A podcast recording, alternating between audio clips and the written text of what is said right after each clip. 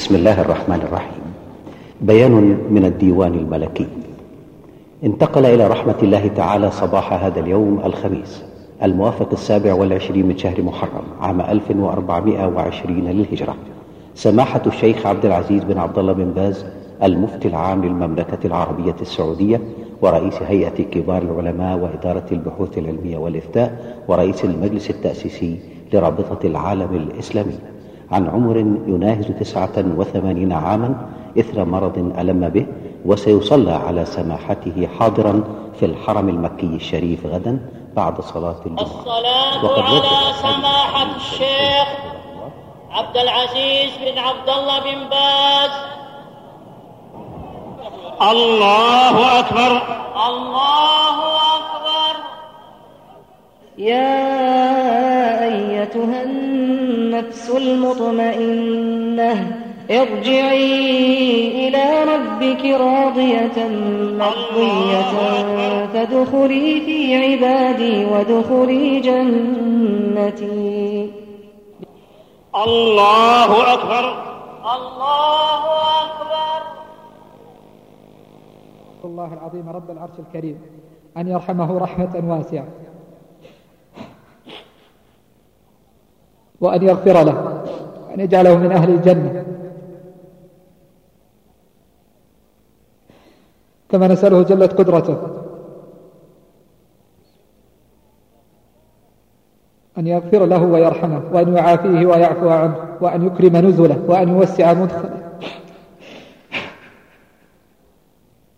وأن يوسع مدخله وأن يكرم نزله وأن يجعله من أهل الجنة. كما نسأله جلت قدرته أن يرزقه أهلا خيرا من أهله.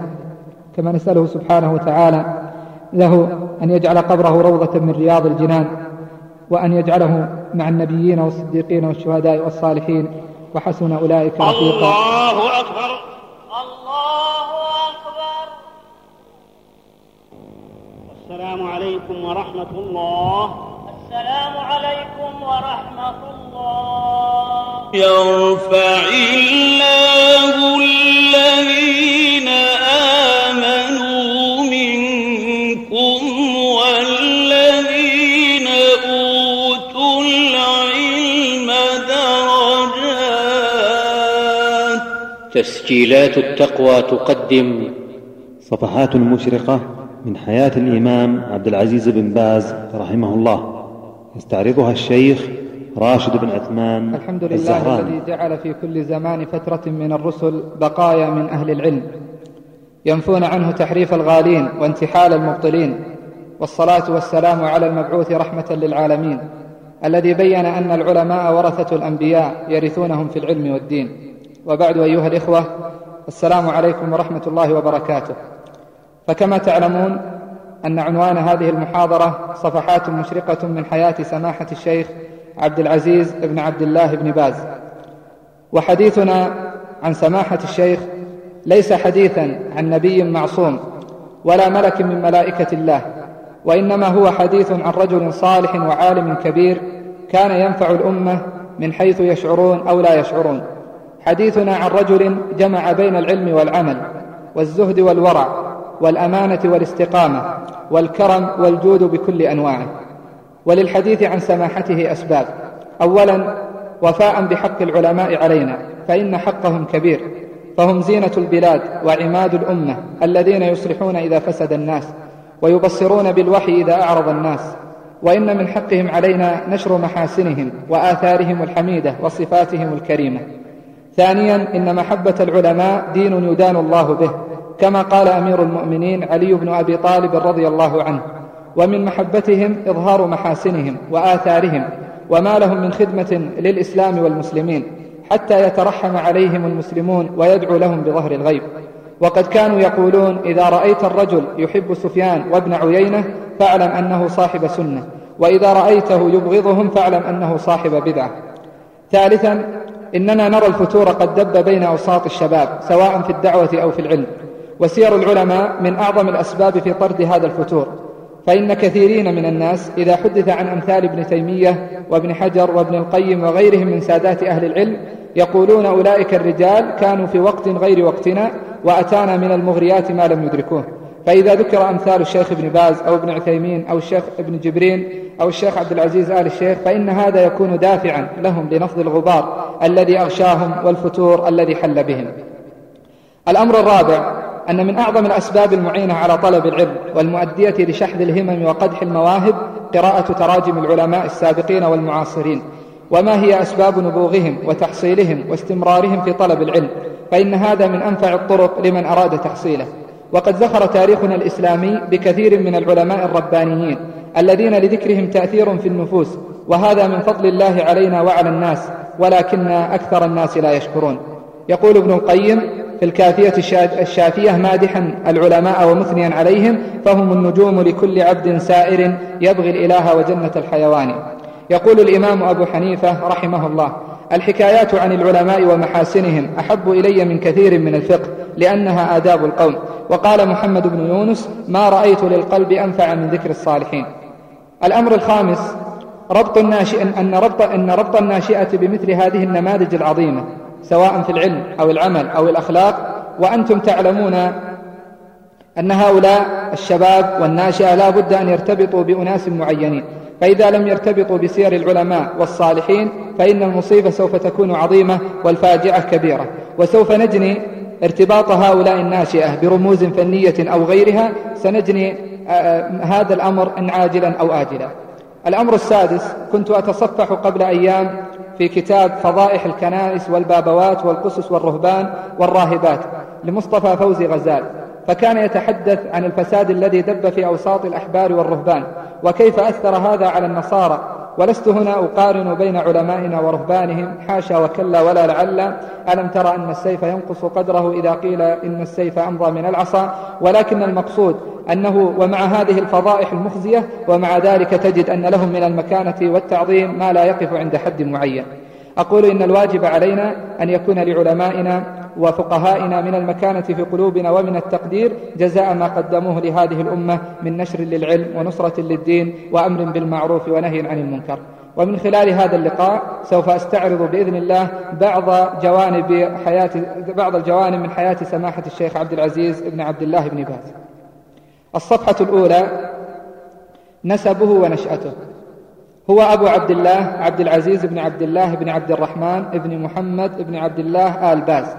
ولد في مدينة الرياض في اليوم الثاني عشر من ذي الحجة من عام ثلاثين وثلاثمائة وألف من الهجرة.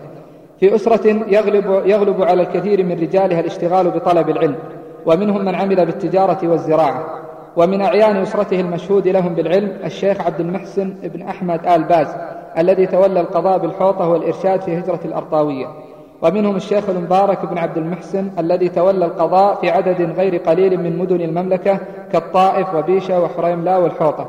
يقول الشيخ عائلتي أصلهم من الرياض وطائفة منهم في الحوطة وطائفة في الأحساء وطائفة في الحجاز وكلهم يرجعون لنفس العائلة.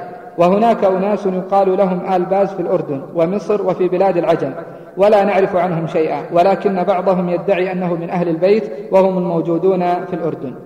نشأته توفي والده في ذي القعدة من عام ثلاثة وثلاثين وهو في آخر السنة الثالثة فنشأ يتيما في حضانة والدته.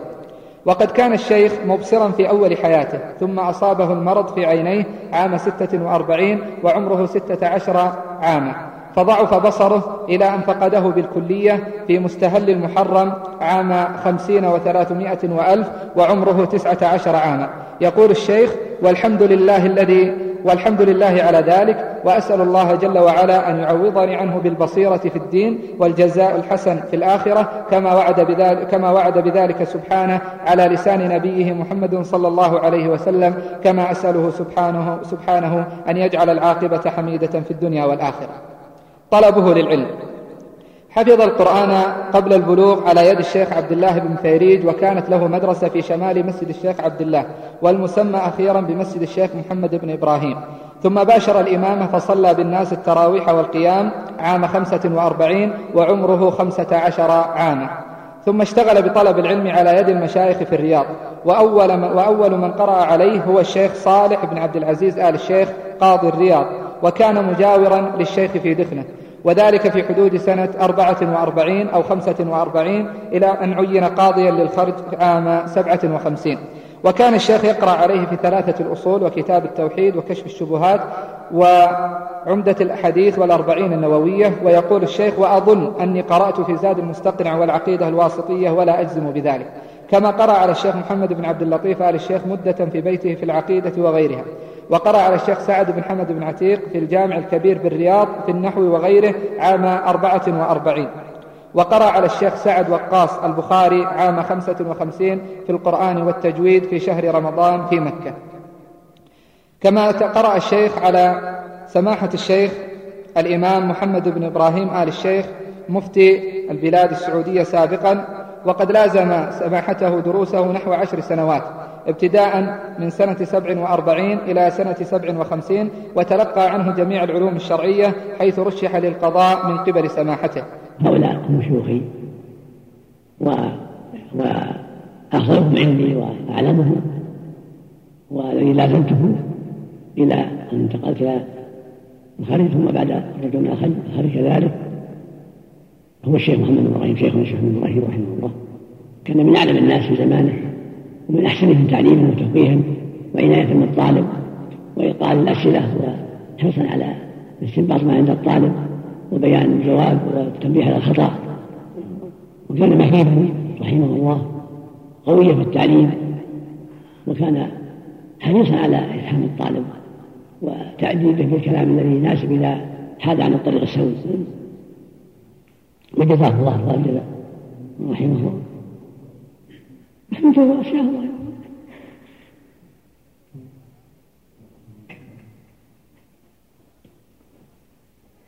الله رحمه له فضل كبير علينا رحمة الله. عليه وعناية عظيمة بالطالب عناية عظيمة. تفيه وتوجيه في جميع الأوقات رحمه الله. أصلح الله ذريته وغفر له نعم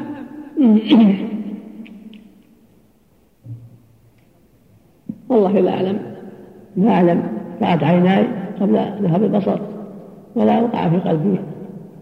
هو؟ أحسن تعليما وأكثر في الخير رحمة الله عليه.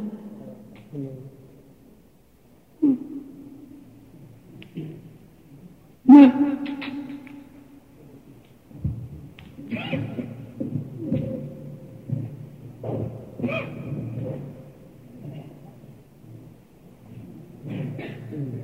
كما أخذ الشيخ عبد العزيز إجازات في كتب كثيرة من الشيخ العلامة عبد الحق الهاشمي حينما كان مدرسا في مكة. الصفحة الثانية الأعمال التي تقلدها الشيخ. رشح للقضاء في الخلج من قبل سماحة الشيخ محمد بن إبراهيم في جماد الآخرة من عام سبعة وخمسين واستمر به حتى نهاية عام واحد وسبعين. في عام 72 اشتغل بالتدريس في, العام في المعهد العلمي بالرياض لمدة سنة واحدة. ثم انتقل بعدها في عام 73 لتدريس علوم الفقه والتوحيد والحديث في كلية الشريعة بالرياض ليمضي بها سبع سنوات منذ إنشائها وحتى عام 80 و300 وألف للهجرة. في عام 81 عين نائبا لرئيس الجامعة الإسلامية بالمدينة وبقي في هذا المنصب إلى عام 90 حيث, رش حيث صدرت الأمر صدر الأمر بتعيين سماحة الشيخ رئيسا للجامعة المذكورة. في الرابع عشر من شهر شوال من عام خمسة وتسعين عين الشيخ في منصب الرئيس العام لإدارة لإدارات البحوث العلمية والإفتاء والدعوة والإرشاد برتبة وزير. وقد تغير مسمى هذه الوظيفة فأصبح مسماها مفتي عام المملكة العربية السعودية وذلك بعد إنشاء وزارة الشؤون الإسلامية والأوقاف والدعوة والإرشاد عام 1414 من الهجرة. وإلى جانب هذا العمل كان يتولى سماحته, سماحته رئاسة وعضوية كثير من المجالس والهيئات العلمية والإسلامية ومنها. رئاسة هيئة كبار العلماء بالمملكة. رئاسة اللجنة الدائمة للبحوث العلمية والإفتاء في الهيئة المذكورة. عضوية ورئاسة المجلس التأسيسي لرابطة العالم الإسلامي. رئاسة المجلس الأعلى العالمي للمساجد. رئاسة المجمع مجمع الفقه الإسلامي بمكة المكرمة والتابع لرابطة العالم الإسلامي. عضوية المجلس الأعلى للجامعة الإسلامية في المدينة المنورة عضوية الهيئة العليا للدعوة الإسلامية في المملكة. الصفحة الثالثة من أخبار الشيخ في الدلم. عندما كلف سماحة الشيخ عبد العزيز بولاية القضاء في الخرج وافق على ذلك مكرها. إذ لم يكن سماحته راغبا في القضاء ولا محبا له ولكن إلزاما من شيخه سماحة الشيخ محمد بن إبراهيم رحمه الله وولي الأمر الملك عبد العزيز رحمه الله فقدم إلى الدلم قاعدة الخرج آنذاك واستقبله أهالي تلك المنطقة استقبالا يليق به وبمكانته العلمية فما إن نزل من السيارة التي تقله حتى قصد المسجد الجامع الكبير فصلى فيه ركعتين اقتداء بسنة النبي صلى الله عليه وسلم ثم استراح قليلا فالتف حوله الأهالي فألقى عليهم موعظة بليغة فكان مما قاله بتأثر عميق بأنه غير راغب في القضاء ولكن ألزم بذلك فلا بد من طاعة ولي الأمر. وأقسم بالله العظيم ثلاثة أيمان تأكيدا لذلك. وقد تولى الشيخ القضاء في سن مبكرة ولما سأله سائل فقال سماحتكم توليتم القضاء في سن مبكرة في سن السابعة والعشرين تقريبا؟ فقال الشيخ تولى القضاء قبلي من هم أقل مني سنا من أخباره في القضاء سكن الشيخ في بيت القاضي الذي أوقفه الإمام عبد الذي أوقفه الإمام عبد الله بن فيصل بن تركي رحمهم الله. كما كان الشيخ يجلس في مجلس القضاء للفصل بين الناس من الضحى حتى صلاة الظهر وربما جلس أحيانا للقضاء بعد صلاة الظهر. وقد رتب الشيخ دخول الرجال إليه في مجلس القضاء حسب وصولهم إلى المجلس وأمر بألا يدخل عليه أحد حتى يأذن له بالدخول. وقد أدخل السجلات في عمله بعد أن رتب مجلس القضاء منذ ولي القضاء في الخرج حيث يسجل له كاتبه في السجلات القضايا ووثائق الأوقاف وغيرها ثم ثم بعد ذلك يعطي صاحب القضية وثيقة بذلك إن دعت الحاجة إليه وهذا قبل تأسيس المحكمة الشرعية. وقد اشتهر الشيخ بالعدل بين المتخاصمين مع بديهة سريعة ونباهة عالية وصدق مع الله وإخلاص له وتجرد عن حظوظ النفس مما أورث الناس قناعة بأحكامه ورضاهم بها حتى إنه في بعض الأحيان بعد الحكم بين الخصمين مباشرة يذهب الخصمان وينفذان ما حكم به لأحدهما على الآخر طواعية دون إكراه وفي أغلب الأحيان يعرض الصلح بين المتخاصمين. ومن المواقف التي حدثت للشيخ أثناء القضاء والتي تبرز حلمه وسعة علمه وشفقته على الناس أنه دخل عليه رجل في مجلس القضاء وكان هذا الرجل كثير السباب فسب الشيخ وشتمه والشيخ لا يرد عليه. وعندما سافر الشيخ إلى الحج توفي هذا الرجل فجهز للصلاة عليه في أحد الجوامع. فلما علم إمام المسجد أن ذلك الرجل أنه ذلك الرجل تنحى وامتنع عن الصلاة عليه وقال لا أصلي على شخص يشتم الشيخ ابن باز بل صلوا عليه أنتم. فلما عاد سماحة الشيخ من الحج وأخبر بموت ذلك الرجل ترحم عليه وعندما علم برفض إمام المسجد الصلاة عليه قال إنه مخطئ وفي في ذلك ثم قال دلوني على قبره فصلى عليه وترحم عليه ودعا له. ودخل عليه رجل آخر وكانت عنده قضية في الصباح الباكر والشيخ يدرس الطلاب في الجامع. فوقف هذا الرجل عليهم وأخذ ينادي بصوت مرتفع قائلا قم افصل بين الناس واترك القراءة. فلم يزد الشيخ على أن قال لأحد طلابه قم وأخبره أن يأتينا عندما نجلس للقضاء بعد الدرس. ومن المواقف أيضا أنه حضر رجل ومعه شاهد لمجلس القضاء فسأل الشيخ الشاهد عن الموضوع فالتفت الشاهد إلى صاحب القضية فقال له ماذا قلت لي قبل قليل؟ وكان قد لقنه قبل ذلك عندها قال الشيخ للرجل قم وأتي بشاهد آخر غير هذا. من أخباره في التعليم من الأمور التي أولاها الشيخ أهمية عظمى هي نشر العلم بين الناس فأصبحت الدلم من المناطق العلمية آنذاك. فلما عقد الشيخ حلقات التدريس في الجامع الكبير أخذ طلاب العلم يتوافدون عليه من كل مكان ثم ما لبثت وفود الطلاب تتقاطر على هذه المنطقة من أنحاء المملكة. وما فتئ الشيخ يعلو شأنه وينتشر صيته في أرجاء العالم الإسلامي كعلم من أعلام الشريعة البارزين. حتى توافد عليه بعض بعض الطلاب للدراسة عليه من الأقطار المجاورة من اليمن وفلسطين والعراق وغيرها. فازداد عدد الطلاب فلم يعد يجد الكثير منهم مأوى يسكن فيه. عندئذ طلب سماحته من الملك عبد العزيز التكرم بالأمر ببناء سكن يأوي إليه الطلبة. فلبى الملك عبد العزيز طلبه ببناء حجرات قرب الجامع الكبير بمنافعها لتكون سكنا للطلاب. كذلك سعى الشيخ في إيجاد مكافآت شهرية لبعض الطلاب المجدين والمغتربين تشجيعا لهم على مواصلة الدراسة وطلب العلم ومساعدة لهم على تكاليف الحياة فكانت المكافآت ترسل للشيخ ويقوم أحد طلابه بتوزيعها. كما كان الشيخ يقوم بتوزيع عباءات لبعض الطلاب المتميزين لتشجيعهم على طلب العلم والزيادة فيه. وكان الشيخ قد قسم أوقاته بين القضاء والتدريس وعقد وعقدت له حلقتين في المسجد الجامع. الكبير إحداهما بعد صلاة الفجر في التوحيد والفقه والحديث والنحو والتفسير والثانية بعد صلاة المغرب في الفرائض وقد اهتم الشيخ بهذا العلم اهتماما بالغا حيث يناقش الطلبة فيما درسوه ليتأكد من فهمهم للمادة العلمية.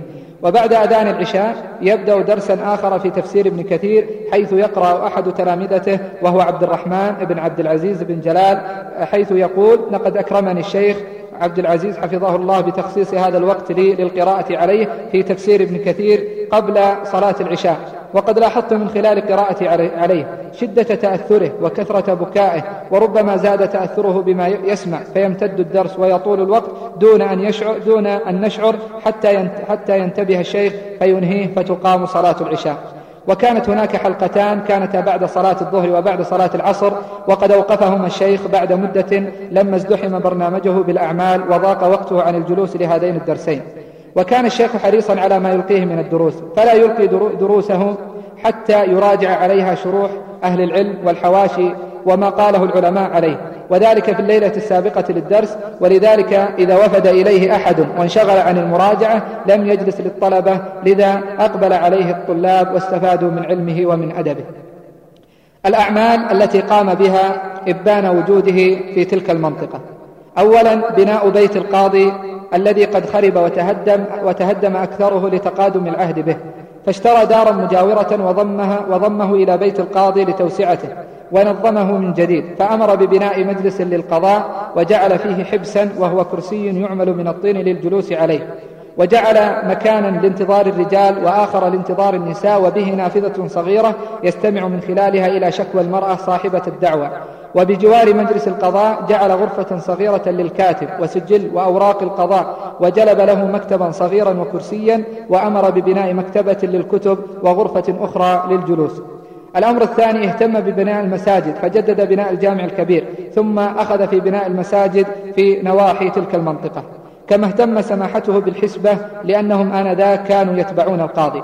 وكان الشيخ يخرج أحيانا للسوق العام في اجتماع الناس يومي الاثنين والخميس للبيع والشراء فيقوم خطيبا في وسط السوق مقابلا للرجال وقريبا من النساء اللاتي كنا يبعن في السوق فيعظ الجميع ويذكرهم وينصحهم ثم يجيب على أسئلة المستفتين. ولسماحته إسهامات كبيرة مع الناس في أمورهم العامة فعندما داهمت السيول الدلن وكادت أن تدخلها في سنة ستين خرج الشيخ بنفسه وأخذ يشجع الأهالي على القيام بوضع السدود الترابية حول المنازل حتى لا يدخلها السيل وقد أخرج معه من بيته قلال التمر وأدوات القهوة عند المواقع التي يعمل بها الناس حتى يأكل ويشرب من يعمل في إقامة السدود بدون انقطاع. ولما رأى بعض الناس أن السيل قد دخل بعض البيوت شكوا للشيخ ذلك فقال اعدلوه أي افتحوا له طريقا على الآبار التي بداخل البلد فذهب ما في تلك البيوت من السيل في الآبار. ومن إسهاماته أيضا أنه عندما هاجمت أسراب الجراد المزارع خرج الشيخ معهم إلى العذار لقتله بالجريد وذلك لشد أزرهم وتشجيعهم لحماية المزارع من الجراد وذلك في عام أربعة وستين.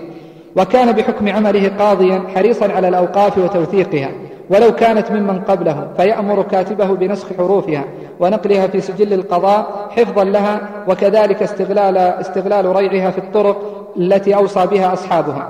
ولقد كان للطرق العامة اهتماما من سماحته لذا فقد أمر بتوسعة بعض الطرق في تلك المناطق. وكان من طيب معشره قيامه بالتنزه مع طلابه. ومن ذلك أنه ذات يوم خرج مع بعض طلابه إلى مكان للتنزه وليس معهم سوى حمار واحد. فبعد جلوسهم وبداية القراءة اسودت السماء بالسحب ثم بدأت الريح وهطلت الأمطار غزيرة عليهم وهم جلوس. فأخذوا الفراش الذي تحتهم ووضعوه على رؤوسهم. ولكن الشيخ قال لهم هل نبقى هنا حتى الموت؟ هيا نذهب إلى أقرب مكان. فساروا باتجاه البلد ولكن الليل مظلم. عندئذ رأوا نارا من بعيد فاتجهوا نحوها فإذا هم إحدى العوائل وفي في مزرعتهم ينتظرون الشيخ ومن معه لعلمهم أنه ذهب إلى البر من الطريق المحاذي لمزرعتهم.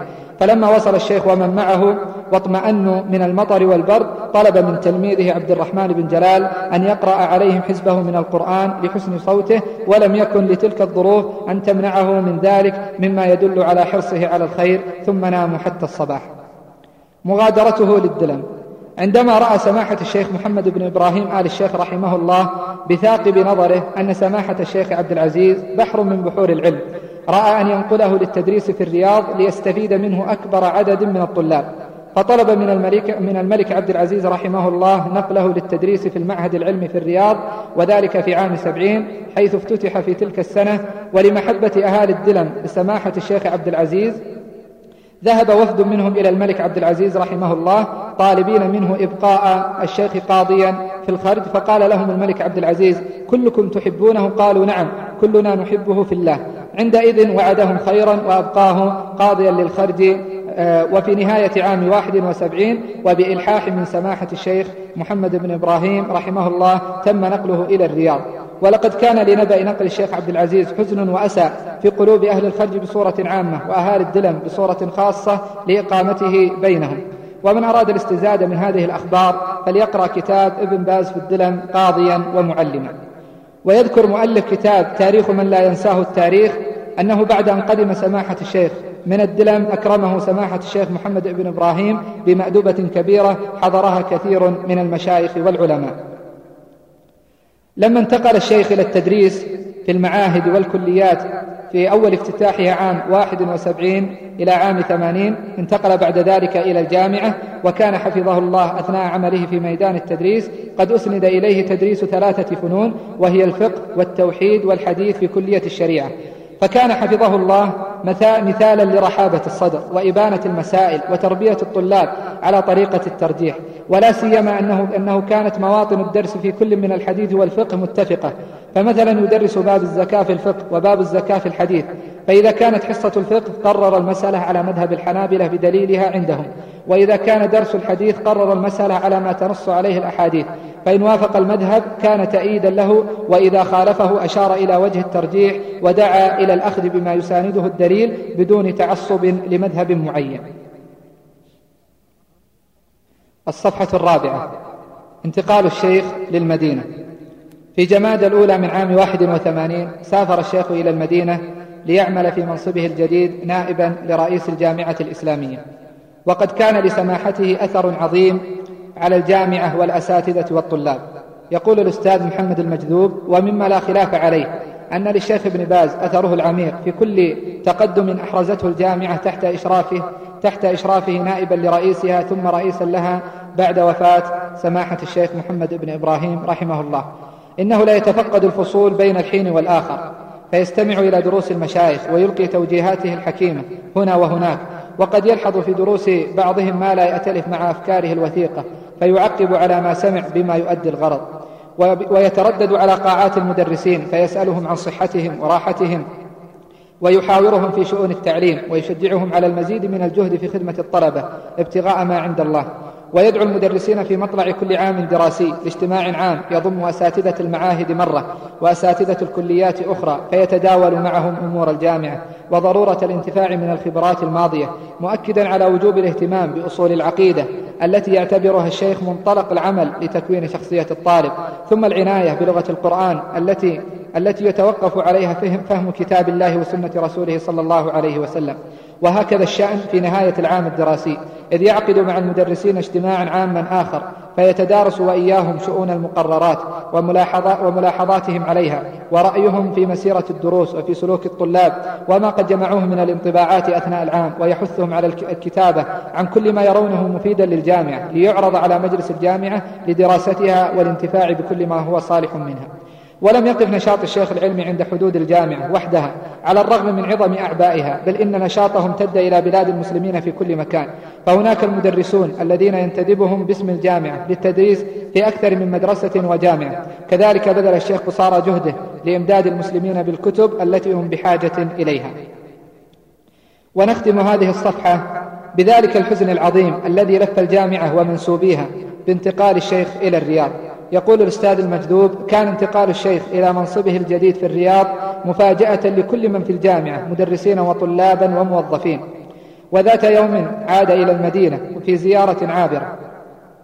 فكانت فرصة مرموقة للاجتماع على وداعه. وفي مسجد الجامعة احتشد هؤلاء ليعبروا عن تقديرهم للرجل الذي خالط حبه دماءهم فكانت هناك كلمات أملاها الإخلاص دون إعداد. حتى جاء دور الشيخ للتعقيب عليها. فإذا هو يتعثر في التعبير إذ غلبه التأثر فلم يتمالك أن يبكي. لقد كانت تلك الدموع الحارة أبلغ خطاب سمعته للشيخ وأشد خطبه تحريكا لمشاعر سامعيه حتى غمر التفاعل كل من في المسجد فهم, فهم بين باك في صمت ومعول في نشيج وما أحسب ثمة بيانا أدل على مدى الترابط الروحي بين الشيخ وهذا الجمع من مثل ذلك الموقف. بكينا وفاء لامرئ قل أن يرى له في الدعاة العاملين نظير. فخلوا ملامي إن ألح بي البكاء فإن فراق الصالحين عسير. الصفحة الخامسة. يوم في حياة سماحة الشيخ. يبدأ اليوم بأذان الفجر فيتوجه سماحة الشيخ إلى المسجد القريب من منزله مع أبنائه وبعض مرافقيه من أصحاب الحاجات المتنوعة. فهذا لديه مسألة في أمور الدنيا وهذا يريد السلام عليه ونحو ذلك. وبعد الفراغ من الصلاة تقرأ عليه بعض الكتب العلمية ثم يقوم سماحته بالتعليق عليها.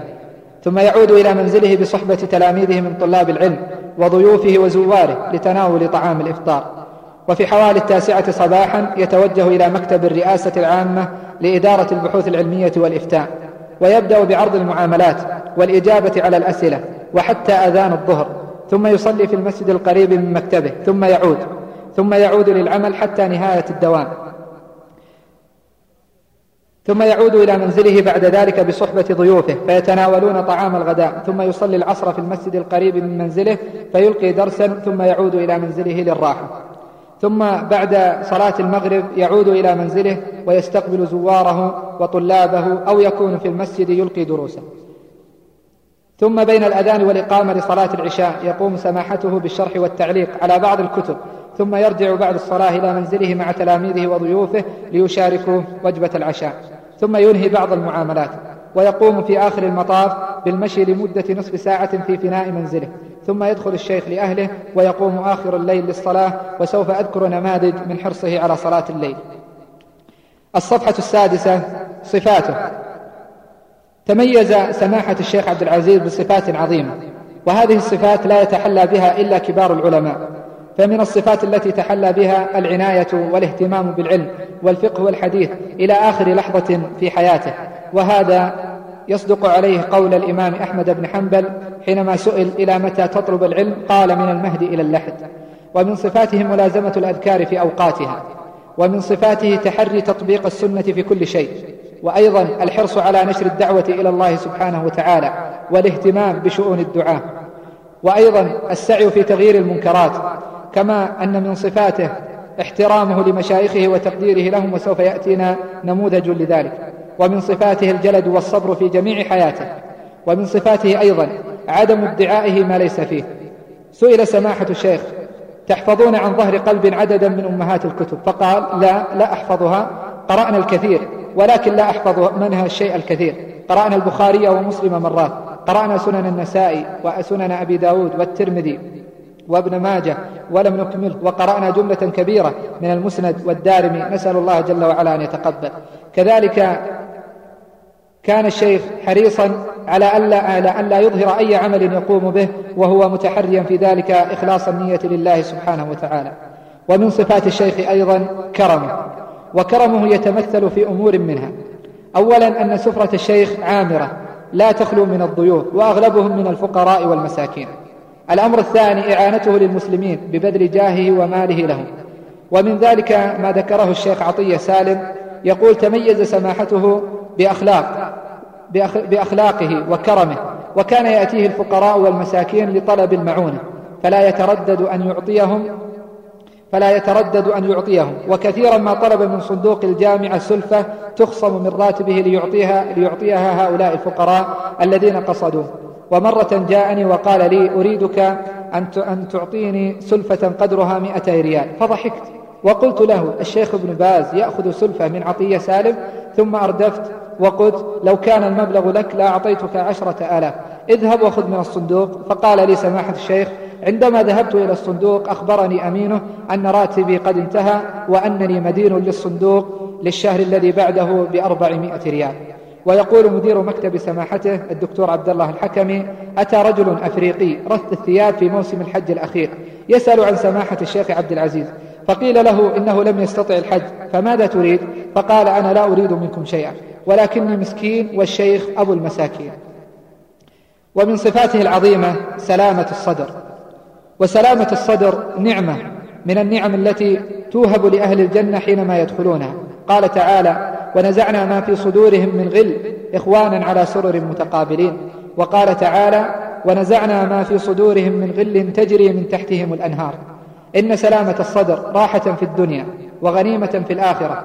وأي لذة ونعيم في الدنيا أطيب من برد, من برد القلب وسلامة الصدر ومعرفة الرب تعالى ومحبته والعمل على موافقته.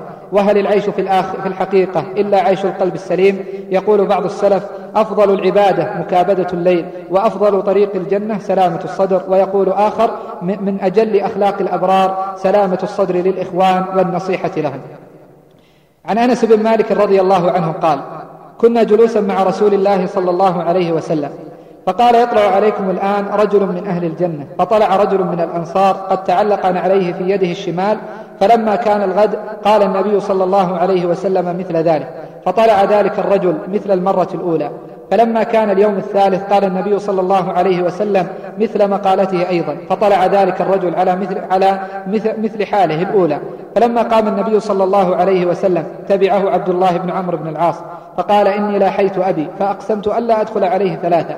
فإن رأيت أن تؤويني إليك حتى تمضي فعلت. فقال نعم. قال أنس وكان عبد الله يحدث أنه بات معه تلك الليالي الثلاث فلم يره يقوم من الليل شيئا غير أنه إذا تعار وتقلب على فراشه ذكر الله عز وجل وكبر حتى يقوم لصلاة الفجر. قال عبد الله غير أني لم أسمعه يقول إلا خيرا. فلما مضت الثلاث ليال وكدت أن أحتقر عمله قلت يا عبد الله إني لم يكن بيني وبين أبي غضب ولا هجر ولكن سمعت رسول الله صلى الله عليه وسلم يقول لك ثلاثة مرا... ثلاثة, ثلاثة مرار يطلع عليكم الآن رجل من أهل الجنة فطلعت أنت الثلاث فأردت أن آوي إليك لأنظر ما عملك فأقتدي به فلم أرك تعمل كثير عمل فما الذي بلغ بك ما قال رسول الله صلى الله عليه وسلم؟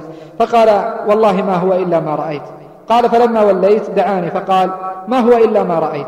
غير أني لا أجد في نفسي لأحد من المسلمين غشا ولا أحسد أحدا على خير أعطاه الله إياه. فقال عبد الله هذه التي بلغت بك وهي التي لا نطيق. وفي بعض الروايات قال فوالله ما وضعت رأسي على وسادتي وفي نفسي غل على مسلم. وهذه الصورة العظيمة التي نأخذها من سماحة الشيخ ينبغي أن تكون في ذهن جميع طلبة العلم وهم أخص الناس الذين ينبغي أن تكون قلوبهم سليمة. نسأل الله جل وعلا أن يجعلنا ممن سلم قلبه لإخوانه ولجميع المسلمين. ومن صفات الشيخ التي تميز بها شجاعته في قول الحق فالشيخ لا تأخذه في الله لومة لائم. فهو ينكر المنكرات ويأمر بالمعروف ويناصح هذا ويرد على هذا ويكاتب الآخر سواء كان رئيسا أو كاتبا أو غيرهما. فالشيخ لا يرضى أن تنتهك حرمات الله لأنه يغار عليها غيرة عظيمة لأن نصرة الدين وإقامته ونشر العلم هو همه الذي يشغل باله ويأخذ المساحة الكبرى في تفكيره. ومن شجاعة الشيخ أنه لما بلغه أقوال لأحد قادة الدول العربية عن القرآن وما أحدثه من تحريف أرسل إليه وفدا لمناقشته. وقد أظهر ذلك الزعيم اقتناعا بمعظم ما قاله الوفد وأبدى استعدادا بإعلان ذلك. ثم تناول سماحة الشيخ ما نشرته امرأة إيطالية تصف ذلك الزعيم برسول الصحراء. فكتب الشيخ له وقال والواجب على فلان وسماه أن يعلن في وسائل الإعلام تكذيبه لما زعمته هذه الإيطالية وأن يبرأ إلى الله من ذلك إن كان ذلك لم إن كان ذلك لم يقع منه فإن كان قد وقع منه فالواجب عليه إعلان التوبة النصوح ومن تاب تاب الله عليه. ومن مواقف الشيخ موقفه من خبر إعدام الأديب سيد قطب الذي ارتج العالم الإسلامي لمقتله. فعندما أصدرت المحكمة قرارها بإعدامه سيد قطب وإخوانه اعترى الشيخ ما يعتري كل مؤمن من الغم في مثل هذا وتأثر الشيخ تأثرا عظيما وكلف الأستاذ محمد المجذوب بصياغة البرقية المناسبة لهذا الموقف. وللشيخ خطابات مرسلة لبعض الزعماء في البلاد الإسلامية. ينكر عليهم تهجمهم على السنة المطهرة وعلى صاحبها عليه أفضل الصلاة والسلام. فالشيخ يقول كلمة الحق ويشجع القول بها ولا تأخذه في الله لومة لائم. ومن صفاته أيضا حرصه على هداية الناس وهو يعلم في ذلك الأجر العظيم الذي رتبه النبي صلى الله عليه وسلم. فقد قال لعلي بن أبي طالب فوالله لأن يهدي الله بك رجلا واحدا خير لك من حمر النعم. يقول أبو عبد الرحمن بن عقيل الظاهري منذ عشر سنوات في المجلة العربية في عددها المئة وواحد ومنذ عشر سنوات قدمت لسماحة الشيخ عبد العزيز نسختي من كتاب من كتاب عن تارك الصلاة عمدا هل يقضي أم لا؟ فحذرني من الصلف والعنف وأوصاني بما تستأنس به القلوب وعندما جادلته في المحلى أبدى لي أنه تركه منذ أزيد من ثلاثين عاما لما فيه من عنف وكنت أتهيب الحضور في مجلس الشيخ إلا لحاجة ضرورية تخصني في ذات نفسي وقد كان حفظه الله نعم الأب والمعين بعد الله في قضاء حوائج المسلمين. وفيما سوى ذلك أتحاشى مجلسه مع شدة الشوق إليه لكثرة ما يعنفني. وذات مرة استفتاني والدي رحمه الله وهو في فراش الموت. فأفتيته فقال لي يا بني من غير احتقار لك لا أقنع إلا بفتوى موقعة من الشيخ ابن باز. فأتيت سماحته وأفتاني. وقد كان حمل إليه عدد من مجلة الثقافة والفنون. كتبت فيها خمسا وأربعين صفحة مما لا, مما لا تسر الكتابة عنها ولا تشرف. فصار ينهرني وكان الشيخ يردد دائما ما أعظم مصيبتك عند الله؟ ثم صار يبرم أطراف غترته ويدعو لي وقد اغرورقت عيناه فزالت الموجدة من نفسي وتمزق قلبي حزنا لصدق هذا الإنسان في موعظته وحرصه على هداية الناس. وطلب, وطلب حسن العقبى لهم ولو جادلني لكابرت في المجادلة وقد فتح الله قلبي لحسن نيته ومنذ تلك اللحظة بشهور تقلص حب الغناء والطرب من وجداني وتولدت عندي كراهة الغناء كراهة ما كنت أتصور حدوثها قط فسبحان مقلب القلوب. وأيضا من حرصه على هداية الناس أنه ذات مرة عندما خرج سماحته من المسجد الذي يصلي فيه أتاه رجل ليسلم على الشيخ ويسأله في مسألة. وكان هذا الشخص عليه بعض المخالفات كحلق اللحية وما إلى ذلك. فعندما ذهب ليسأل الشيخ وكان الشيخ مستعجلا فأجل الشيخ لقاءه وعندما تحركت السيارة قال لسائقه ارجع. فرجع السائق بالسيارة عند ذلك السائل وسمع منه الشيخ مسألته وأفتاه. ومن ثم لمس الشيخ ذقن هذا الشاب ونصحه بترك اللحية ودعا له فيقول الشاب إنه لم يحلقها بعد هذا اليوم وأن ذلك كان بفضل الله سبحانه وتعالى ثم بدعوة سماحة الشيخ عبد العزيز بن عبد الله ابن باز. ولم تكن دعوة المسلمين هي هاجسه الوحيد. بل كان سماحته حريصا على دعوة غير المسلمين للدخول في دين الإسلام وكان سماحته يفرح بهدايتهم فرحا عظيما. وقد أسلم على يدي سماحته مئات الناس فنسأل الله جل وعلا بمنه وكرمه أن يصدق فيه قول النبي صلى الله عليه وسلم لأن يهدي الله بك رجلا واحدا خير لك من حمر النعم. هنا أحد الإخوة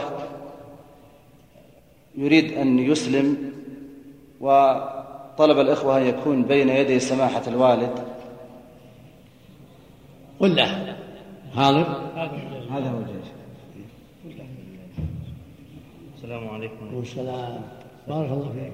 هذه أعظم نعمة يا ولدي. هذه أعظم نعمة. الإسلام أعظم نعمة. هذا الرجل اسمه هذا الرجل اسمه روني رايان وهو أمريكي الجنسية من ولاية أريزونا يعمل في شركة بنيل أستاذ في الحرس الوطني ويريد أن يسلم على يد سماحتكم. جزاكم الله خيرا. جزاه الله خير جزاه الله وسلم عليكم بارك الله فيك. حياكم الله. بارك الله كل هذه أعظم نعمة وأكبر نعمة. فنهندي في ذلك. نعم. الإسلام أن يشهد أشهد أن لا إله إلا الله. You have to repeat after the. أشهد أن لا إله إلا الله. أشهد أن لا إله إلا الله. أشهد أن لا إله أن لا إله أن لا إله إلا الله. معناه أنك تؤمن بأن الله واحد مستحق العبادة فوق السماء فوق العرش. You have to believe that there is only one God. ومستحق العبادة من صلاة ودعاء وغيره. لله وحده فوق العرش. Yes, فوق جميع الخلق. and he is over all these creatures on the world. And you have to believe on this. نعم. نعم. نعم. نعم. تشهد بهذا. نعم. وتشهد أن محمد رسول الله. You have to believe on Muhammad peace be upon him as the messenger of God. نعم. تشهد أن محمد رسول الله. أشهد. أن محمد رسول الله. أشهد. أشهد. أشهد. أن محمد أن محمد رسول الله. رسول رسول الله. رسول الله. الجن والإنس. جميع الثقل يعني الجن والإنس. الجن طيب. جن نعم. جزاك الله وهو خاتم النبيين آخرهم. And he is the last messenger from God. نعم. وعليك أيضا الصلوات الخمس الركن الثاني الصلاة الخمس الظهر والعصر والمغرب والعشاء والفجر. You have to do also the salah five times a day. تؤمن بهذا. You have to believe on this. نعم. نعم. وعليك الزكاة زكاة المال. من عنده مال يزكيه كما شرع الله. نعم. هذا الركن الثاني من أركان الإسلام. نعم نعم قلنا you have also to pay zakat zakat this is the part of uh, the money you have to take it out from the money to the uh, to the people who are poverty نعم صوم رمضان شهر من السنة الرا- الركن الرابع you صوم have رمضان Ramadan you have to fast all Ramadan months together with the Muslims وعليك الركن الخامس الحج مرة في العمر مرة الحج إلى بيت الله حرام الكعبة you have to perform Hajj. Once in your life if it's possible. نعم. طيب. وعليك أن تؤمن بالله وملائكته وكتبه ورسله واليوم الآخر وبالقدر خيره وشره. ستة أمور. أن تؤمن بالله ربا وخالقا ومعبودا. تؤمن بالملائكة وأنه خلقهم الله من النور في طاعته وتنفيذ أوامره. هم مخلوق من النور منهم جبرائيل ومنهم ميكائيل ومنهم إسرافيل ومنهم ملك الموت. ومنهم ملائكة موكلون بنا تؤمن بهم. وبالكتب المنزلة على الأنبياء على عيسى وموسى ومحمد وغيرهم. وبالرسل جميعا موسى وعيسى وغيرهم من الرسل وبخاتمهم محمد صلى الله عليه وسلم. وتؤمن باليوم الآخر بعد النشور والجنة والنار والحساب والجزاء وبالقدر أنه قدر الأشياء وأن الله علم الأشياء وكتبها فما شاء الله كان وما لا يشاء تؤمن بهذا كله. إن شاء الله إن شاء الله. بين ومن صفاته أيضا حرصه على العبادة بكل أنواعها فهو حريص على الفرائض والنوافل حريص على الصلاة والصيام والزكاة والحج وغيرها من العبادات وكذلك على نوافل العبادة من صلاة راتبة وغيرها وصيام ليومي الاثنين والخميس وأيام البيض وبذل للمال ومن العبادات العظيمة التي أولاها الشيخ اهتمامه قيامه لليل. يقول أحد كتاب الشيخ ذهبت مع الشيخ إلى مكة وجلست أقرأ عليه المعاملات إلى حدود الساعة الحادية عشر ليلا وإذا بالشيخ يقول يبدو أننا تعبنا فلنأخذ راحتنا. وحقيقة الأمر أن الشيخ لم يتعب ولكن تادبا مع الكاتب الذي معه. فقال الكاتب نعم يا شيخ لقد تعبنا. يقول الكاتب نمت بعدما صليت ما كتب الله واستيقظت الساعة الثانية عشر وإذا بالشيخ يصلي واستيقظت قبل الفجر وإذا بالشيخ يصلي أيضا. ويقول ممن رافق الشيخ من الطائف إلى الرياض برا ولما صرنا في منتصف الليل بعد الساعة الثانية ليلا تقريبا قال الشيخ لمرافقيه يبدو أننا تعبنا فقفوا لننام في الطريق فتوقفنا وعندما لامست أقدامنا الأرض أخذنا, أخذنا في النوم والجيد منا من صلى ركعة أو ثلاث قبل أن ينام فشرع الشيخ في الصلاة فاستيقظ ممن كان كانوا معه قبل الفجر فإذا بالشيخ أيضا يصلي. إن هذا النموذج العظيم يذكرنا بسيرة السلف الصالح. وقد كان ابن القيم رحمه الله يقول إن من الأمور التي تعين الإنسان وتعين البدن على النشاط والقوة هو الحرص على صلاة الليل وهذا ما نحسبه لسماحة الشيخ. من العبادات التي عرف عرفت عن الشيخ حرصه على ذكر الله سبحانه وتعالى. فوالله ما وجدته إلا وهو ذاكر لله سبحانه حتى والأسئلة تلقى عليه والطالب يقرأ عليه. ومع ذلك تجد أن لسانه لا يزال رطبا بذكر الله سبحانه وتعالى. وهكذا كانت سيرة النبي صلى الله عليه وسلم فهو في ذلك متأسيا بها. فقد كان عليه الصلاة والسلام يذكر الله جل وعلا في كل أحواله وكان عليه الصلاة والسلام يقول والله إني لا أستغفر الله وأتوب إليه في اليوم والليلة سبعين مرة وفي رواية مئة مرة. وكلما زاد الأمر وكلما زاد المرء, بصير المرء بصيرة في دين الله وعرف التقصير من نفسه زاد في ذكر الله سبحانه وتعالى ولأنه بذكر الله يجد القوة والطمأنينة كما قال سبحانه وتعالى الذين آمنوا وتطمئن قلوبهم بذكر الله ألا بذكر الله تطمئن القلوب. وأيضا من حرص الشيخ في جانب العبادة حرصه على عبادات على عبادة إخوانه. يقول أحد تلامذة الشيخ وهو أفريقي يقول بت عند الشيخ في أحد الليالي وفي آخر الليل قام سماحته للتهجد وكانت غرفة الضيف بعيدة عن مقر الماء وفي هذه الساعة يندر من يكون مستيقظا وهو يكره الإزعاج. فذهب بنفسه إلى مقر الماء بالإبريق رغم أنه كريم العينين وملأ الإبريق وجاء به إلى مقر باب غرفة الضيف ثم ثم أيقظه برفق لعلمه بالرغبة في ذلك ثم ذهب عن الباب حتى لا يحرج الضيف فخرج الضيف مسرعا فرأى الشيخ قد ولى وترك الإبريق عند الباب من خارج ومن حرصه على عبادة الناس ما ذكره أحد جيرانه في الطائف حيث يقول كنا نقوم لصلاة الفجر على صوت عصاة الشيخ قبل صوت المؤذن وكان يحرص على أن يطرق أبواب الجيران الذين كانوا على طريقه للمسجد. من صفات الشيخ أيضا حسن الرد ونباهة الذكر. يقول الدكتور عبد الله بن نصيف وقد لفت نظري علمه وتواضعه وإجماع الناس على احترامه وتقديره. وقد تأثرت بحادثة وقعت عندما, عندما ألقى الشيخ محمد متولي الشعراوي محاضرة في المدينة المنورة عام 92 أقيمت بمناسبة تأسيس الندوة العالمية للشباب المسلم. وكنت مرافقا لضيوف الندوة عند زيارتهم للمدينة. وبعد انتهاء البرنامج الأساسي في الرياض تحدث الشيخ الشعراوي لمدة ساعة ونصف على الأقل عن مكانة المرأة في الإسلام. وبعد انتهائه من المحاضرة علق سماحة الشيخ عبد العزيز على إحدى عشر مسألة.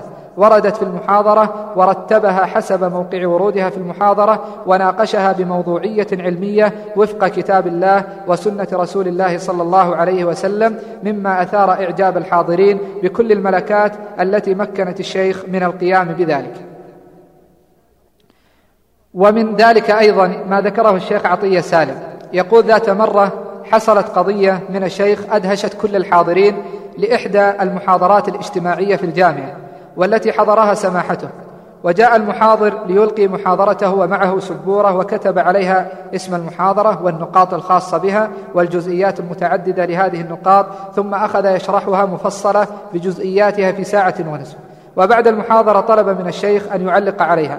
فذكر سماحته نقاط المحاضرة الست وجزئياتها وعلق على إحدى النقاط بالتفصيل ولم يترك شيئا منها. وقد اندهش الجميع من ذاكرة سماحته القوية وذكائه في استيعابه المحاضرة ولو أننا كنا موجودين لما استطعنا أن نعلق على أي نقطة دون النظر إلى السبورة وتذكر النقاط. ومن صفات الشيخ أدبه مع مشايخه. ومن ذلك أنه استفتاه رجل عن موضوع الطلاق فكتب جوابا فيه وفق اجتهاده. ولم يكن يعلم أن ثمة فتوى مخالفة صدرت للموضوع من الشيخ محمد بن إبراهيم آل الشيخ.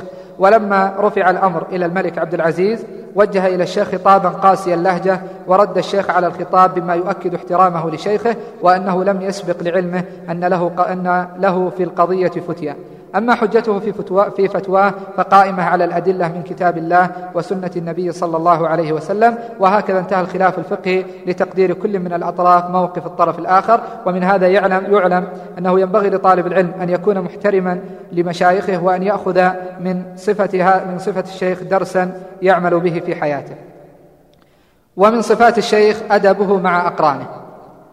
يذكر الشيخ محمد إبراهيم شقرة يقول ومما أذكر من أدب الشيخين الكبيرين شيخنا الشيخ عبد العزيز بن باز والشيخ محمد الأمين الشنقيطي أننا كنا نجلس ذات ليلة في دار الحديث في المدينة وكان الشيخان معنا في الاجتماع فعرضت قضية الصعود صعود الإنسان إلى القمر وكان شيخنا الشيخ ابن باز يقول إن صعود الإنسان إلى القمر أمر ممكن أما الشيخ محمد الأمين فقد كان يقول هذا أمر مستحيل وكان يقول بأن الله تعالى وصف السماوات السبع بأنها سبع طباق وأنها شداد والشدة تعني القوة والمتانة. وهذا أمر نعرفه من العربية فمن المستحيل أن تخرم هذه الأجرام القوية العظيمة الشديدة بسفينة فضائية. فقال الشيخ بن باز يا شيخ نحن نقر أنك أعلم منا ولكن المسألة لا تحتاج إلى مناقشة واختلاف فالقضية أصبحت مسلمة. فكان من كلام الشيخ محمد الأمين إما أن نكون قد فهمنا القرآن خطأ أو أن تنتفي هذه القضية برمتها. ومن صفاته أيضا اهتمامه بالعلم في كافة فنونه ومن ذلك اهتمامه بالتوحيد والنحو والحديث وغيرها كذلك اهتمامه بعلم الفقه. يقول سماحة الشيخ عن كتب الفقه نطلع عليها ونستفيد منها وكتب آه، ونستفيد من كتب العلم كتب الفقهاء نقرأها ونستفيد منها ولا سيما كتب الخلاف والكتب التي تقيم الأدلة نعتمد على الله ثم عليها في أخذ العلم لأنها تأتي بالأدلة في القرآن والسنة. ومن صفاته أيضا غيرته على السنة. وأذكر موقفا حضرته من سماحته وهو أن أحد طلبة العلم سأل سماحة الشيخ عن تقديم قول الصحابي أو التابعي على قول النبي صلى الله عليه وسلم فغضب الشيخ من هذا الكلام وكان الشيخ يضرب بيده على رأسه ويقول يا فلان لا بد أن تضع سنة النبي صلى الله عليه وسلم على رأسك ثم بعد فترة استدعى سماحة الشيخ ذلك الشخص وقال له لا بد أن تحللنا فإني لم أقل ذلك إلا من باب الحرص على إقامة سنة النبي صلى الله عليه وسلم. وسأله سائل في إحدى المقابلات مع سماحته فقال سماحتكم أميل للحديث في الدراسة. فقاطعه الشيخ وقال لا بد من الحديث. الحديث سمعناه مع القرآن. وكما قال الله جل وعلا فإن تنازعتم في شيء فردوه إلى الله والرسول. فالرد إلى الله إلى كتابه. والرد إلى النبي صلى الله عليه وسلم إلى الحديث. فلا علم ولا فتوى إلا عن طريق القرآن والحديث. هذا هو العلم. أما التقليد فليس بعلم. الصفحة السادسة. من المواقف الخالدة في حياة سماحة الشيخ موقفه حينما قررت مؤسسة الملك فيصل رحمه الله منح سماحة الشيخ جائزة الملك فيصل العالمية لخدمة الإسلام. ومما قاله سماحته في هذا اللقاء بعد حمده لله وصلاته على نبيه صلى الله عليه وسلم قال فإني أشكر الله عز وجل على ما من به سبحانه من هذا اللقاء المبارك لتقدير العلم وحملته وإجراء ما يحصل به تشجيعا للعاملين في خدمة الإسلام والدراسات الإسلامية والأدب العربي الإسلامي وسائر ما ينفع العباد كالطب النافع ولا سيما في التخصص الذي ينفع الأمة وهكذا العلوم التي تنفع الأمة. ثم قال وإن بذلنا في تشجيع المشاريع الخيرية والأعمال النافعة وتحفيز العاملين لصالح الإنسان والمسلمين من أهم المهمات ومن أفضل القربات لكن ينبغي أن يعلن أن الواجب على العاملين في الميدان الإسلامي أن يخلصوا أعمالهم لوجه الله وأن يخلصوا في ذلك وأن يطبقوا أعمالهم على ما يقتضي الشرع المطهر وأن لا يقصدوا بأعمالهم حظا عاجلا من مال أو ثناء أو غرض آخر بل يقصدون بذلك وجه الله وابتغاء مرضاته ونفع المسلمين وغيرهم ونفع المسلمين في العالم. حتى يخرجوهم من الظلمات حتى يخرجوا عباد الله من الظلمات إلى النور. ثم بين سبب قبوله لهذه الجائزة فقال ثبت في الحديث الصحيح عن ابن عمر رضي الله عن ابن عمر رضي الله تعالى عنهما أن رسول الله صلى الله عليه وسلم كان يعطي عمر بن الخطاب العطاء فيقول له عمر أعطه يا رسول الله من هو أفقر إليه مني؟ فقال له رسول الله صلى الله عليه وسلم خذه فتمول أو تصدق به وما جاءك من هذا المال وأنت غير مشرف ولا سائر فخذه وما لا فلا تتبعه نفسك. أخرجه مسلم. وعلى هذا وعلى هذا الأساس فإني أتقبل هذه الجائزة. وأشكر القائمين على شأنها وأسأل الله لهم المزيد من التوفيق ولكونها بذلت من أجل الخدمة الإسلامية أسأل الله أن يعيننا على ما يجب علينا من خدمة الإسلام والمسلمين وأن يكلل الجهود بالنجاح والصلاح وأن يعفو عنا ما قصرنا فيه فإن التقصير كثير لكن نسأل الله أن ينفعنا لتقديم الخير وأن يعفو عنا وعن إخواننا جميعا فيما قصرنا فيه وأن يمنحنا جميعا النشاط والقوة في ميدان الحق ونفع المسلمين في كل مكان قولا وعملا. ثم تصدق سماحته بهذه الجائزة قائلا. وبناء على هذا وإني حصلت عليها بسبب تقدير إخواننا في الهيئة طبعا تقديرا على الخدمة الإسلامية فإني أبذلها أيضا وأهديها أيضا إلى دار الحديث الخيرية الأهلية المكية معونة لها على ما تقوم به للخدمة الإسلامية. فإن دار الحديث الخيرية الأهلية بمكة تخدم المسلمين أيضا وتخدم ابنائهم في سائر أرجاء المعمورة من أفريقيا وآسيا وغيرها. وفي أثناء وجود سماحة الشيخ قام الحاضرين بالتصفيق فقام الشيخ بإنكار هذا الأمر فقال جرت العادة بين الناس جرت العادة من الناس بالتصفيق عندما يسمعون كلمة مناسبة أو يرون شيئا مناسبا. وقد دلت السنة على أن السنة عندما يسمع, يسمع الناس شيئا طيبا أو شيئا مستنكرا أن يكبروا ويكبر عند سماع الطيب استحسانا له وفرحا وتشجيعا ويكبر عند سماع غير الطيب تنزيها للشريعة وتنزيها للمجتمع ذاك عما ليس بطيب وتنبيها على أنه ينبغي رفضه. ومن هذا ما ثبت عن النبي صلى الله عليه وسلم وأصحابه أنه لما قال لهم إني لأرجو أن تكونوا ربع أهل الجنة قال فكبرنا. قال إني لارجو أن تكونوا ثلث أهل الجنة. قال فكبرنا. قال إني لارجو أن تكونوا شطر أهل الجنة. قال فكبرنا. وكان عليه الصلاة والسلام إذا رأى ما يعجبه قال الله أكبر الله أكبر سبحان الله وكان إذا رأى ما يسوءه ويحزنه كبر الله تنزيها أيضا وسبحه تنزيها. فينبغي لنا أن نسلك هذا المسلك ولا سيما المجتمعات الإسلامية وفي الدول الإسلامية لأنه يقتدى بها فالتكبير إذا صدر من الجميع فله وقع حسن أسوة بنبينا عليه الصلاة والسلام وأصحابه الكرام. الصفحة السابعة. الشيخ والفتيا. الفتيا منصب عظيم وخطير ولا ينصب له إلا جهابذة العلماء وبقدر اتباع العالم للكتاب والسنة تكون محبة الناس له. وخطر هذا المنصب يأتي من قوله تعالى قل إنما حرم ربي الفواحش ما ظهر منها وما بطن. و قل إنما حرم ربي الفواحش ما ظهر منها وما بطن إلى أن قال تعالى وأن تقولوا على الله ما لا تعلمون. وقال سبحانه وتعالى ولا تقولوا لما تصف ألسنتكم الكذب هذا حلال وهذا حرام لتفتروا على الله الكذب ولهذا السبب تجد أن العلماء الربانيين هم الذين تجد في فتاواهم الله أعلم ولا أدري فإذا وجدت هذه الكلمات فهي من كمال علم العالم وورعه. عن الحديث عبد الله بن عمر رضي الله عنه لم يترك الله بيده بيده إلا ثلاثة. صحيح.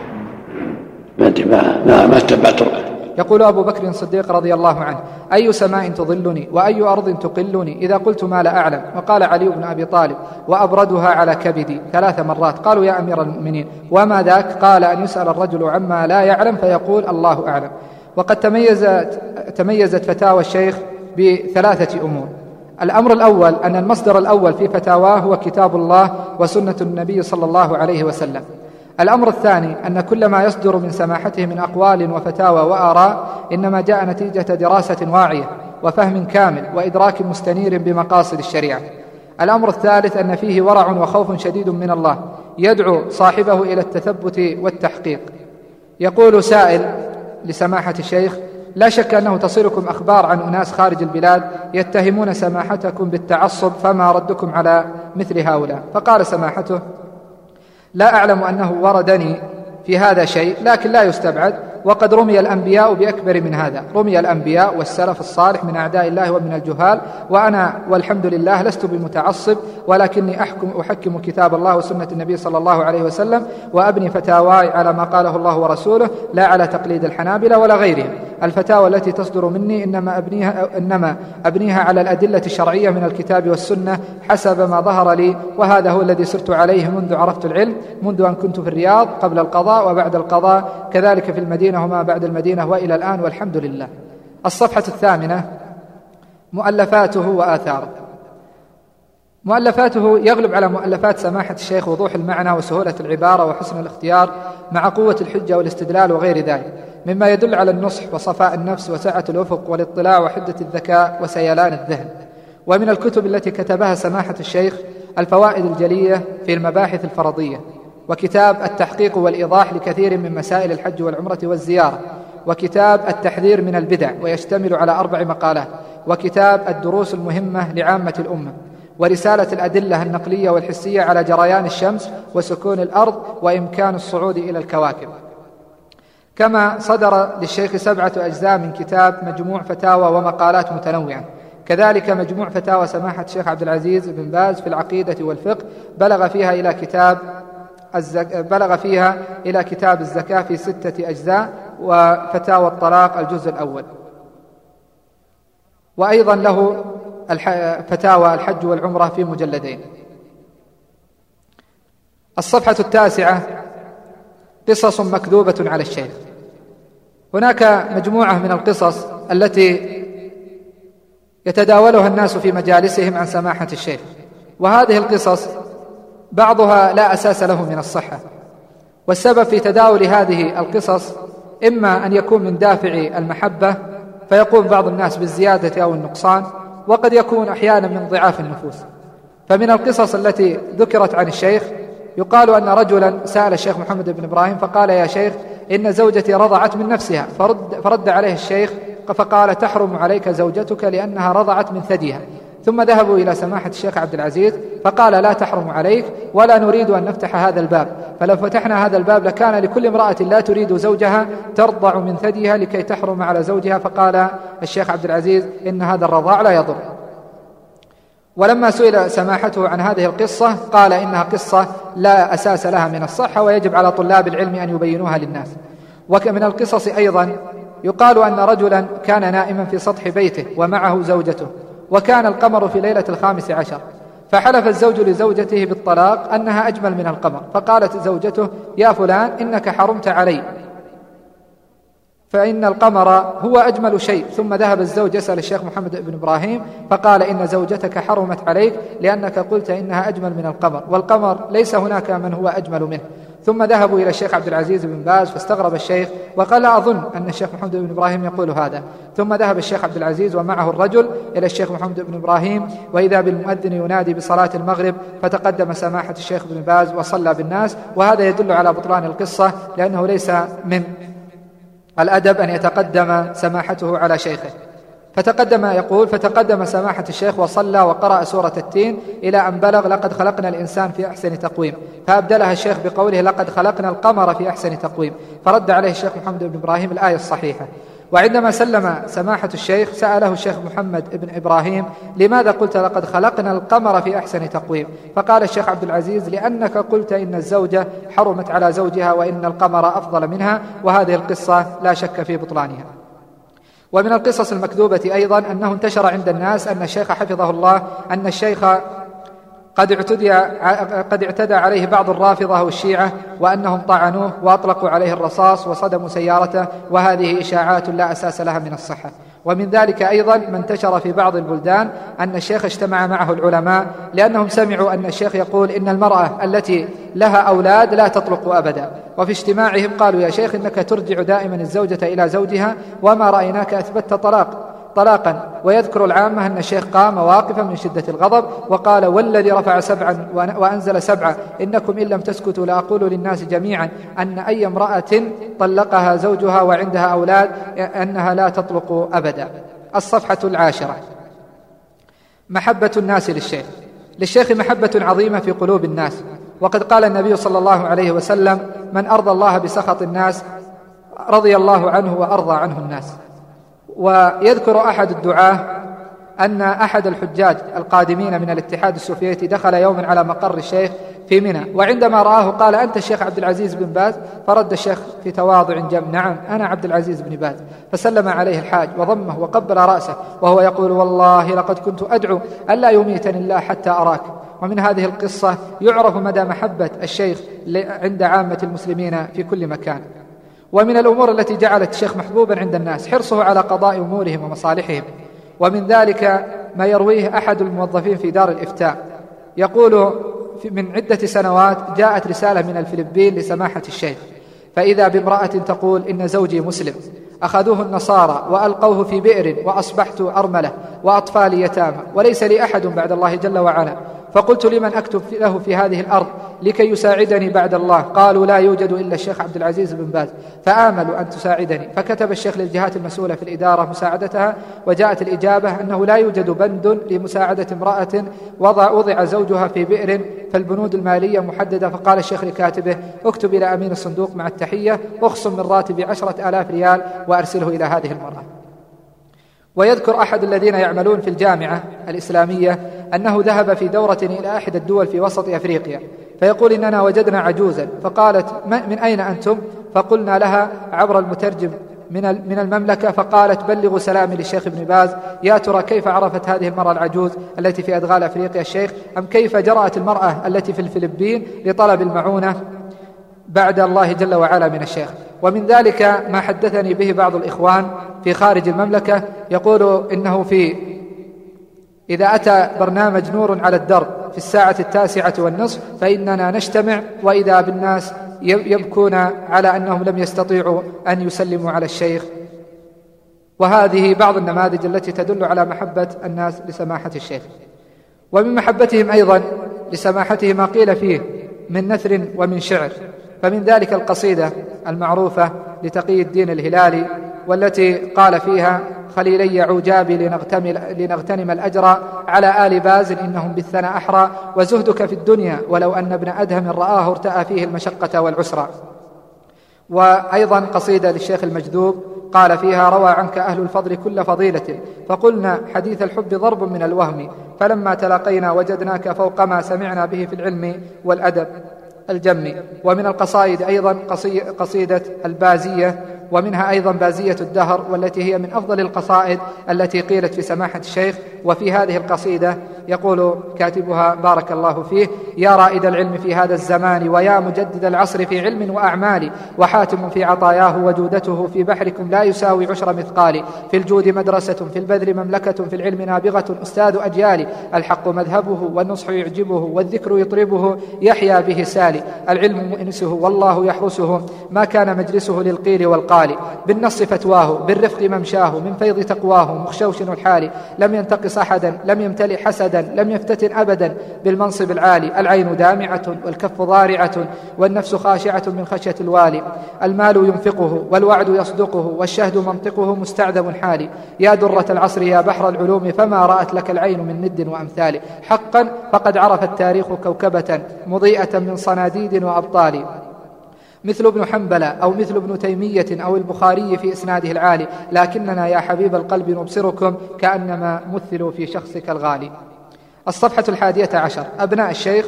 للشيخ سماحة الشيخ عدة أبناء ومنهم عبد الله وعبد الرحمن والشيخ أحمد وابنه خالد. نسأل الله جل وعلا أن يطرح فيهم البركة وأن يجعلهم على أن وأن يجعلهم سائرين على ما ساروا عليه والدهم. ولسماحة الشيخ عناية بأبنائه فيقول عن ذلك ألتقي بهم بين وقت وآخر وقد رتبت لهم بعض الليالي من الشهر لقراءة القرآن والسؤال عما يشكل عليهم. ولكن قد تحصل عوارض تخل بالموعد وقد رتبنا لهم ليلتين في الشهر ليلة للإناث وليلة للذكور إلا أنه قد تحصل بعض الأشياء التي تعوق عن التنفيذ في بعض الأحيان. وعن الإشارة عليهم في الدراسة يقول نشير عليهم بما نرى وقد تقبل الإشارة وقد يختار الفرد منهم شيئا آخر. نشير عليهم دائما بكلية الشريعة وقد يختار بعضهم كلية أخرى. الصفحة الأخيرة. الموت حق أيها الإخوة لأن حكمة الله جلت قدرته. اقتضت أن الحياة الدنيا دار فناء. وأن كل من عليها هالك ولا بقاء إلا لله سبحانه كما قال تعالى كل من عليها فان ويبقى وجه ربك ذو الجلال والإكرام. وإنما الحياة الأبدية في دار الخلود بعد البعث والنشور. إما شقاوة أبدية لأهل الكفر وإما سعادة أبدية لأهل الإيمان. ولو كان لأحد خلود لبقي رسول الله صلى الله عليه وسلم أفضل الخلق وأكرم الأنبياء. ولما مات الأنبياء قبله ولكنها سنة الله في خلقه لقد عاش سماحة الشيخ مع الناس بلباسهم ولغتهم ولكن قلبه وروحه شابهت الأوائل. فعاش عيشة روحانية كالتي نقرأها في, في سيرة الأخيار والأبرار. إن لفراق شيخنا وإمامنا لوعة في القلب وحرقة في الفؤاد لا يطفئها إلا ما نحسبه للشيخ من الكرامة عند الله سبحانه. وإن كنا نحزن على فراقه. فكم من دمعة مسحها الشيخ بيده من على خد يتيم سوف تفقده. وكم من سعادة أدخلها في فؤاد أرملة. وكم من كلمة صادقة أسكنها قلوبا مؤمنة.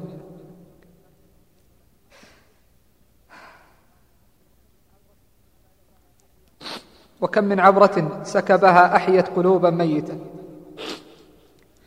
تبكيه منابر الخطباء ودور العلم والعلماء ومجالس الصالحين والفضلاء فرحمه الله رحمة واسعة. إن العين والله لتدمع وإن القلب لا يحزن ولا نقول إلا ما يرضي ربنا وإنا على فراقك يا شيخنا لمحزونون وإنا لله وإنا إليه راجعون. تبكيك تلك الليالي التي عمرتها بالقرآن وتلك المساجد التي عطرتها بالإيمان إن العلماء أيها الإخوة وإن وسدوا التراب إلا أنهم أحياء بعلمهم وتلاميذهم وكتبهم وجهادهم. يموت قوم فيحيي العلم ذكرهم والجهل يلحق أمواتا بأموات. يقول علي بن أبي طالب العلماء باقون ما بقي الدهر.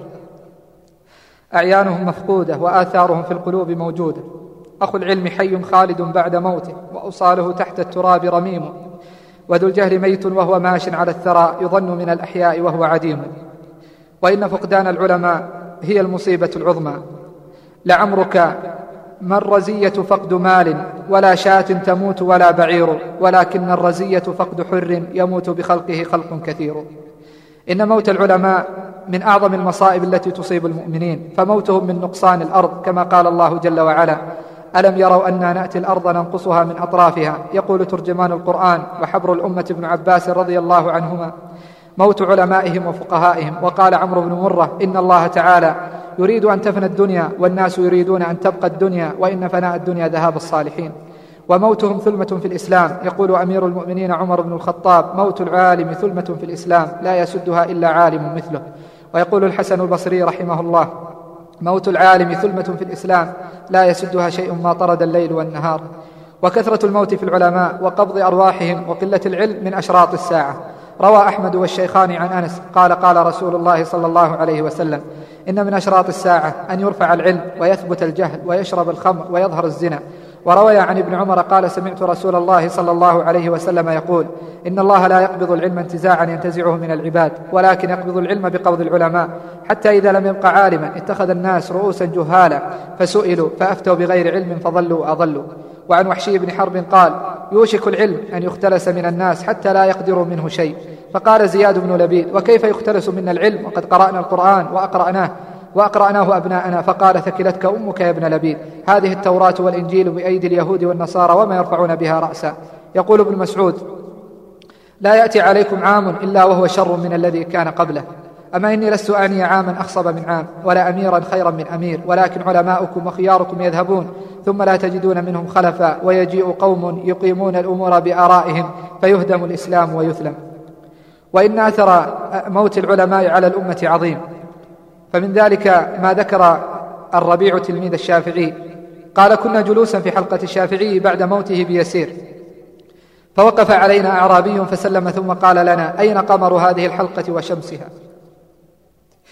فقلنا توفي رحمه الله. فبكى بكاء شديدا ثم قال رحمه الله. وغفر له فلقد كان يفتح ببيانه منغلق الحجة ويسد على خصمه واضح المحجة ويغسل من العار وجوها مسودة ويوسع بالرأي أبوابا منسدة كان سماحة الشيخ في سنواته الأخيرة يعاني من مرض السرطان سرطان المريء وآلام في جسمه مع انسداد للشهية.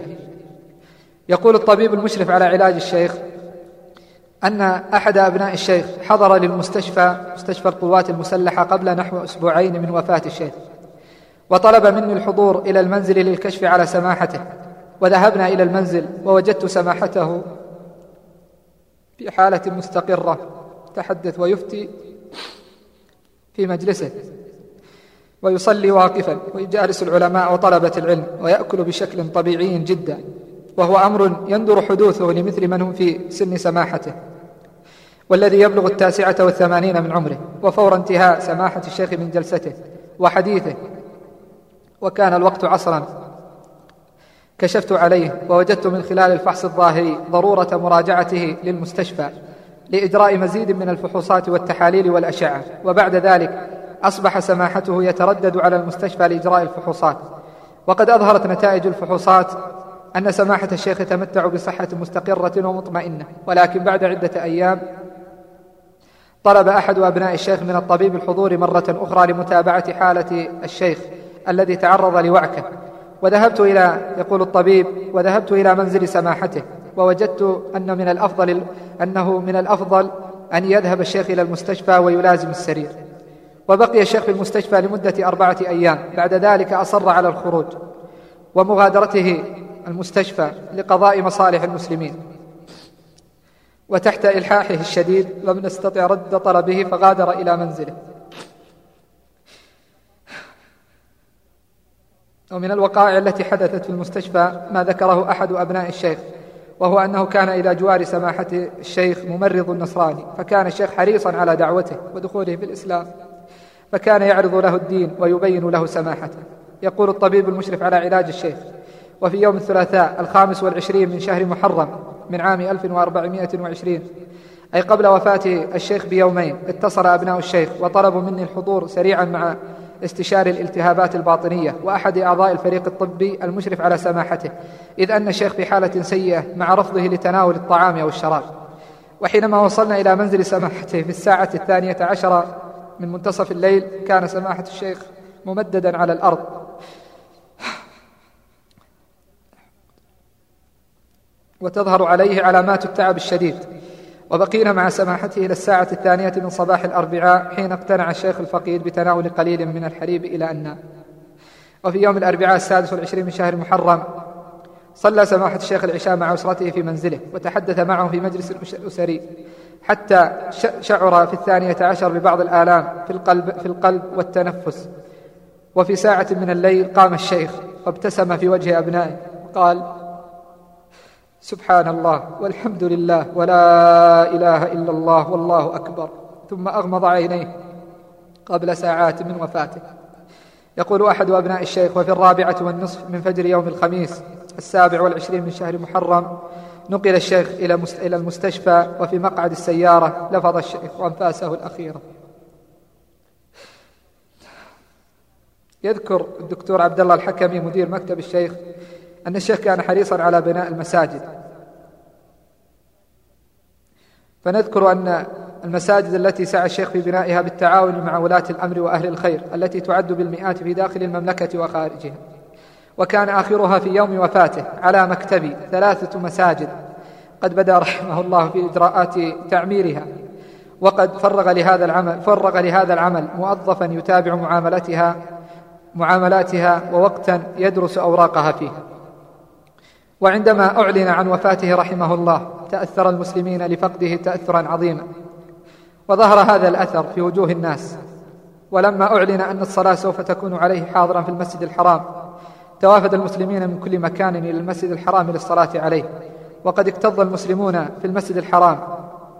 وقد أعدت كافة الجهات الأمنية استعداداتها. وقد وصلت الجنازة إلى ساحة الحرم في حوالي الساعة الحادية عشر صباحا بسيارة الإسعاف. وقد أدى الصلاة عليه ملايين المسلمين في العالم وتقدمه ولاة الأمر والأمراء والعلماء وطلبة العلم والمسؤولون وعامة الناس في الصلاة عليه رحمه الله. وقد خصصت خطب الجمع في كافة مساجد المملكة وكثيرا من مساجد العالم في الكلام عن سماحته وآثاره الحميدة. ثم صلي عليه صلاة الغائب. وبعد الصلاة نقلت الجنازة إلى الإسعاف في حوالي الساعة الواحدة ظهرا. وقد اختيرت مقبرة العدل لأنها موافقة للسنة حيث يلحد القبر فيها. ومع أن المسافة ومع أن المسافة الزمنية من المسجد الحرام إلى مقبرة العدل لا تستغرق بضع دقائق إلا أنها استمرت ما يقارب النصف ساعة بسبب الازدحام الشديد والكثافة البشرية رغم تواجد رجال الأمن وانتشارهم بشكل موسع. إنها مثل هذه الجنازة تذكرنا بجنازة العلماء الصالحين والأولياء أمثال جنازة الإمام أحمد بن حنبل والتي قيل إنه حضرها مليون وثلاثمائة ألف مسلم. وجنازة الإمام ابن تيمية قدس الله روحه وأنار الله ضريحه. وقد كان الإمام أحمد يقول بيننا وبين أهل البدع الجنائز. فظهر في مثل هذه الجنازة محبة الناس للعلماء ومحبة الناس لفضائلهم وذكر محاسنهم وشمائلهم. فالواجب على كل مسلم ذكر سماحة الشيخ أن يترحم عليه وأن يدعو له. فنسأل الله العظيم رب العرش الكريم أن يرحمه رحمة واسعة.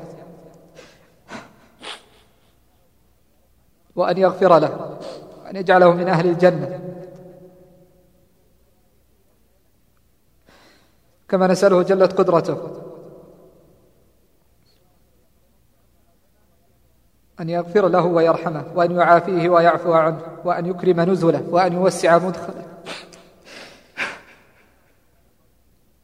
وأن يوسع مدخله وأن يكرم نزله وأن يجعله من أهل الجنة كما نسأله جلت قدرته أن يرزقه أهلا خيرا من أهله كما نسأله سبحانه وتعالى له أن يجعل قبره روضة من رياض الجنان وأن يجعله مع النبيين والصديقين والشهداء والصالحين وحسن أولئك رفيقا. صلى الله وسلم وبارك على نبينا محمد وعلى آله وصحبه أجمعين. أحقا طوى ذاك الإمام المبجل. وأطفئ في ليل الخليقة مشعل. أحقا طوى شيخ العلوم وحبرها ومن كان ذا فضل من الفضل أفضل. أحقا طوى نور الزمان وفرده وغاب عن السفر المهاجر منهل. أحقا طوى أم ذاك خاطر لوعة مخافة يأتينا الفراق المعجل. أحقا طوى يا لوعة ما أمرها ستبقى على الدهر الدوي تقلقل. لك الله يا بدر الشريعة والهدى لك الله من شيخ له القلب يقبل. لك الله من طهر زكى بمحامد يترجمها علم وقول وأفعل. ثمانون عاما ثمانون عاما يا إمام تتابعت وأنت على علم الشريعة مقبل. ثمانون عاما قد طويت معلما تنير سبيل العلم للناس تبذل. ثمانون عاما في ذرى العلم قمة تنيف كطود شاهق. ليس يجهل ورثت علوم الشرع عن كل صادق فورثتها جمعا من الخلق حملوا. أعزي بك الأرض أعزي بك الأرض التي منك أقفرت. فباتت يبابا وجهها متحول. أعزي بك الأفلاك أخمد ضوءها. أعزي بك القلب الذي بات يجفل. أعزي أعزي بك العلم الشريف وأهله. أعزي بك الإفتاء والناس تسأل. أعزي بك الحلقات أطفئ بدرها فغادرها الطلاب والدمع مسبل. أعزي بك الفقراء غاب معينهم أعزي بك العلماء صموا وأذهلوا. أعزي بك الدرس العظيم بمسجد من الحزن. يشتاق اللقاء ويأمل. اعزي أعزي بك الفتح الذي كنت دائبا. على شرحه تجلو العلوم وتصقل. أعزي بك الآثار عري رسمها. أعزي بك الأخلاق تعلو وتسهل. أعزي بك المعروف غاب دليله. أعزي بك الأفعال تسمو. وتنبل أعزي بك الدمعات كنت تفيضها أعزي بك الركعات والليل مسدل بنا بنا لابن باز منة قد تقدمت فقد كان يفتينا وقد كان يبذل وكان كوجه الفجر نورا ورحمة وكان كبدر التم يحنو ويجمل وكان تمام الدين قبل انثلامه فوا رحمة للخلق. إذ قيل يرحل تحملت مما راعني فيك روعة وفي رحمة الله الكريم المؤمل.